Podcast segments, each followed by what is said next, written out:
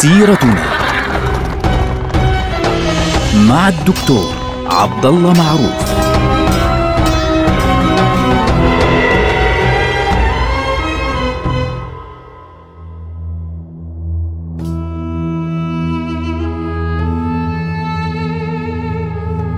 السلام عليكم ورحمة الله وبركاته. سيرتنا سيرة هذه الأمة العظيمة ونحن الآن في عهد السلطان سليمان القانوني. السلطان سليمان القانوني واجه في أوروبا مشاكل معقدة وواجه قوى معقدة فعليا. يعني فرانسوا الأول ملك فرنسا تعاهد مع السلطان سليمان القانوني وقع معه اتفاقية معاهدة كبيرة في سنة 1535 وبعد ذلك نقض هذه الاتفاقية وتفاهم مع الملك الإمبراطور شارل الخامس. ثم بعد ذلك عاد واتفق مع السلطان سليمان القانوني ثم عاد إلى شارل الخامس وتحرك يمينا ويسارا وتسبب في إعادة آه، الحرب بين الدولة العثمانية من ناحية وبين النمسا من ناحية أخرى. فبالتالي كانت الأمور بين الدولة العثمانية وفرنسا على وشك أنها تنفجر لولا أن فرانسوا الأول مات قبل أن يوقع السلطان سليمان القانوني اتفاقية إسطنبول مع النمسا في عام 1547 بعد وفاة الملك فرانسوا الأول هذا الذي مات في نفس العام الذي وقعت فيه الاتفاقية مع النمسا جاء بعده ابنه هنري الثاني. طبعا هنري الثاني تعامله مع الدولة العثمانية كان مختلفا. يعني كان يخشى أن يدخل بقوة مع الدولة العثمانية وفي نفس الوقت كان يخشى أن يدخل بقوة ضد الدولة العثمانية. فيعني لم يجدد معاهدة والده مباشرة فرانسوا الأول مع العثمانيين لكنه كان متحالف معه ضد النمساويين لأن النمساويين هم أعداؤه اللي هم على فكرة بينهم وبين الدولة العثمانية الآن اتفاقية. اتفاقية مدتها سبع سنوات هدوء والأمور مستقرة بين الطرفين إلى حد كبير. فالمبدأ كان مش عارف إيش يعمل يعني واقف بين الأطراف كلها. وفي نفس الوقت كان يعني والده قد ورطوا بالفعل من خلال تعاونه الكبير الواضح مع الدولة العثمانية لأنه كانوا يطلعوا عليه إشاعات أنه هو عنده يعني هو جزء من المسلمين وأنه هو عنده اتفاقية خاصة مع الدولة العثمانية وإلى آخره. مع ذلك حرص على أن يبقى على اتصال مستمر بالدولة العثمانية وتحديدا السلطان سليمان القانوني. مع أنه الأمور ما يعني كانت فاترة بين الطرفين. فتبين من خلال هذه المراسلات طبعا المراسلات هذه ذكرها عدة أشخاص مثل محمد فريد بيك وغيره طبعا وموجود يعني فعليا صور منها. فتبين من خلال هذه المراسلات بينه وبين السلطان سليمان القانوني إنه كان مهتما بالتحالف العسكري ضد النمسا. فتقرب على من الدولة العثمانية. وبشكل عام بدأ يتباحث مع الدولة العثمانية على اتفاقية خاصة. ما تكون تجديد لاتفاقية والدو ولأنه اتفاقية والدو ركزت على التجارة إلى حد كبير لكنه كان يريد أن يركز على الحلف العسكري كان يريد أن يستفيد من تفوق الدولة العثمانية العسكرية. انتهى الأمر فعليا بتوقيع معاهدة كان فيها تحالف كامل بين الطرفين في عام 960 للهجرة تحديدا في شهر صفر في عام 960 للهجرة وكان ذلك الأول من شهر آه، شباط فبراير 2 عام 1553 وكان هدف هذه الاتفاقية أن النشاط العسكري خاصة البحري في البحر الأبيض المتوسط يصبح متحدا بالكامل.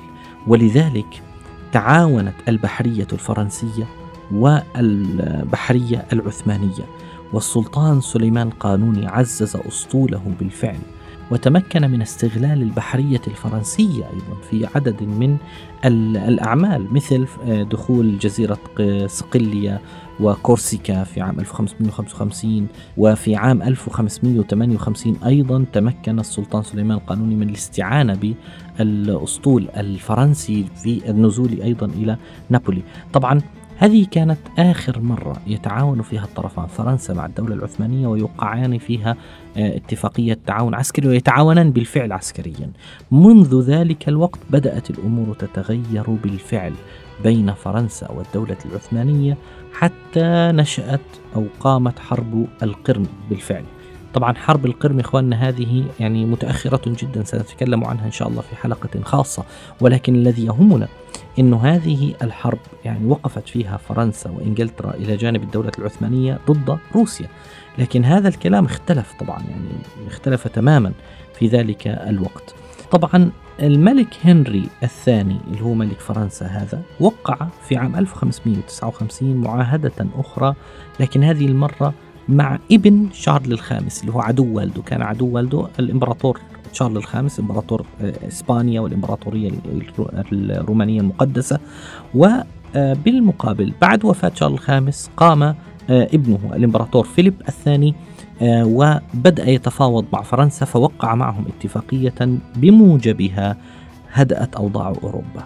خلاص تمت تسوية الأوضاع بين الفرنسيين من ناحية والمجريين والنمساويين والإسبان من ناحية أخرى.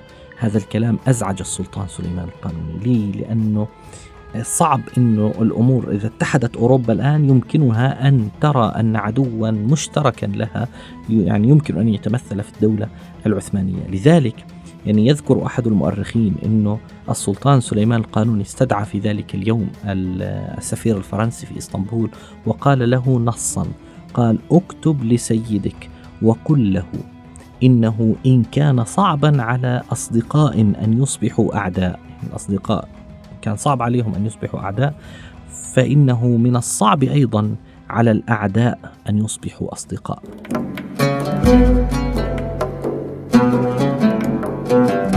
فإن كنت أعداء في ذلك الوقت من الصعب أن تصبحوا أصدقاء لن تصبحوا أصدقاء بهذه البساطة. وبالتالي يعني يحاول أن إن صح التعبير يدق إسفين بين الطرفين بحيث يجعل أوروبا تبقى متفرقة بالفعل. هذا الأمر لحقه في ذلك الوقت أنه السلطان سليمان القانوني يعني بدأ يحاول ترتيب أموره في المناطق التي يعني يسيطر عليها تحديدا في بلاد المجر لأنه خوفه الأكبر كان في ذلك الوقت هو أنه الاتحاد الأوروبي إن صح التعبير بين فرنسا وإسبانيا والنمسا وغيرها قد يؤدي إلى إشغال العثمانيين بالحروب في المجر. وبالفعل السلطان سليمان القانوني كان لا يريد إنه يعني يبدأ بالدفاع فقط عن الأراضي التي يحكمها السلطان سليمان القانوني تحديدا في المجر وفي بلغاريا وفي أراضي الافلاق وغيرها هذه المناطق كاملة. فلذلك كان السلطان سليمان القانوني يريد أن تبقى الأمور في الدولة العثمانية هادئة آه، بقدر الإمكان داخل المناطق التي يسيطر عليها العثمانيون. لكن هذا الكلام طبعا لم يكن يعني كما يحب السلطان سليمان القانوني لأنه حدثت اضطرابات لاحقا في آه، بلاد المجر. السلطان سليمان القانوني جهز جيشا إلى بلاد المجر لكي يهدئ الأمور بالفعل ويعيد الأمور إلى نصابها. فوقف آه، الجيش العثماني أمام الجيش النمساوي الذي حاول أن يستغل الاضطرابات في بلاد المجر بأن يعني يأخذ أكبر يعني كمية ممكنة من الأراضي. فوقف العثمانيون أمام النمساويين وأعادوهم القهقرة يعني أعادوهم إلى الخلف. وبدأ السلطان سليمان القانوني يحاول إنه يتوصل إلى اتفاق مع هذه الأطراف. ففعلا اتفق في عام 1563 يعني قبل وفاة السلطان سليمان القانوني بثلاث سنوات فاتفق السلطان سليمان القانوني مع فرديناند اللي هو طبعا فرديناند من بيكون بيكون واحد من الحكام المجريين في أراضي المجر الذي كان يعني يرى أن السلطان سليمان القانوني هو عدو بالدرجة الأولى. اتفق معه السلطان سليمان القانوني على أنه يتفاهموا على اتفاق معين لتهدئة الأوضاع في المجر ولتثبيت الحكم العثماني في بلاد المجر ووقع صلح اسمه صلح براغ بين فرديناند من ناحية والسلطان سليمان القانوني في آه، بداية عام 1563 قبل وفاة السلطان سليمان القانوني بثلاث سنوات والموافق طبعا 970 للهجرة. وبموجب ذلك اعترف فرديناند هذا بحكم العثمانيين لمولدافيا وبلاد المجر وتعهد بدفع جزية سنوية للسلطان سليمان القانوني ودفع له أيضا مبالغ أخرى عن ثلاث سنوات اعتبرها متأخرة فعليا ويستمر الصلح بين الدولتين ثماني سنوات هذا الأمر سيجعل السلطان سليمان القانوني يتفرغ الآن لمن؟ لفرسان القديس يوحنا لأن فرسان القديس يوحنا هؤلاء الذين كانوا يحتلون طرابلس ويحتلون الجزائر ويهاجمون المسلمين في كل مكان وأخرجهم السلطان سليمان أصلا من جزيرة رودس أبعدهم عن جزيرة رودس إلى جزيرة مالطا. كان السلطان سليمان يرى أنه هذول العدو الباقي الآن.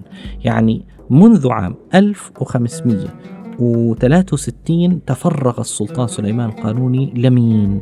لفرسان مالطا. هدول فرسان مالطا سيرسل لهم السلطان سليمان القانوني آه، في بدايات عام 1565 يعني قبل وفاته بسنة واحدة فقط يرسل إليهم 200 آه، سفينة أسطول بحري كامل فيها 30 ألف جندي إلى جزيرة مالطا لكي يعني ينهي وجودهم بالفعل. هذه المجموعة التي اعتبرها السلطان سليمان القانوني خطيرة. في ذلك الوقت اللي هم فرسان القديس يوحنا كانوا يعني يؤذون المسلمين في كل مكان وذكرناهم في حلقة ماضية أنهم كانوا يحتلون ليبيا وكانوا يحاولون تنصير أهلها بالقوة. فلذلك أرسل السلطان سليمان القانوني هذه الحملة الكبيرة بقيادة مصطفى باشا. وهذا الرجل كان قائد الأسطول. حاصر جزيرة مالطا ابتداء من شهر رمضان في عام 972 للهجرة وكان ذلك طبعا يعني أواسط يعني بنحكي شهر خمسة تقريبا عام 1565 واستمر الحصار أربعة أشهر. حاول العثمانيون فيها أن يأخذوا الجزيرة بكل قوتهم. أنزلوا عشرين ألف جندي على أرض الجزيرة وحدث قتال هائل بين الطرفين ولكن أثناء القتال لم يتمكن مصطفى باشا آه، أن يستولي على هذه الجزيرة ويفتحها بالكامل. ووصل فصل الشتاء. يعني جاء فصل الشتاء في عام 1565 فتقرر رفع الحصار.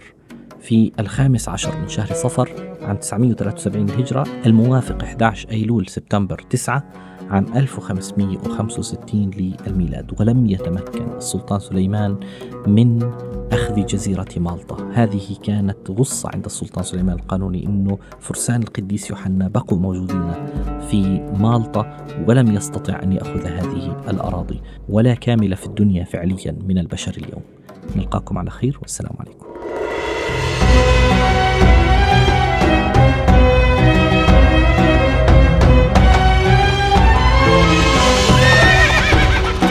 سيرتنا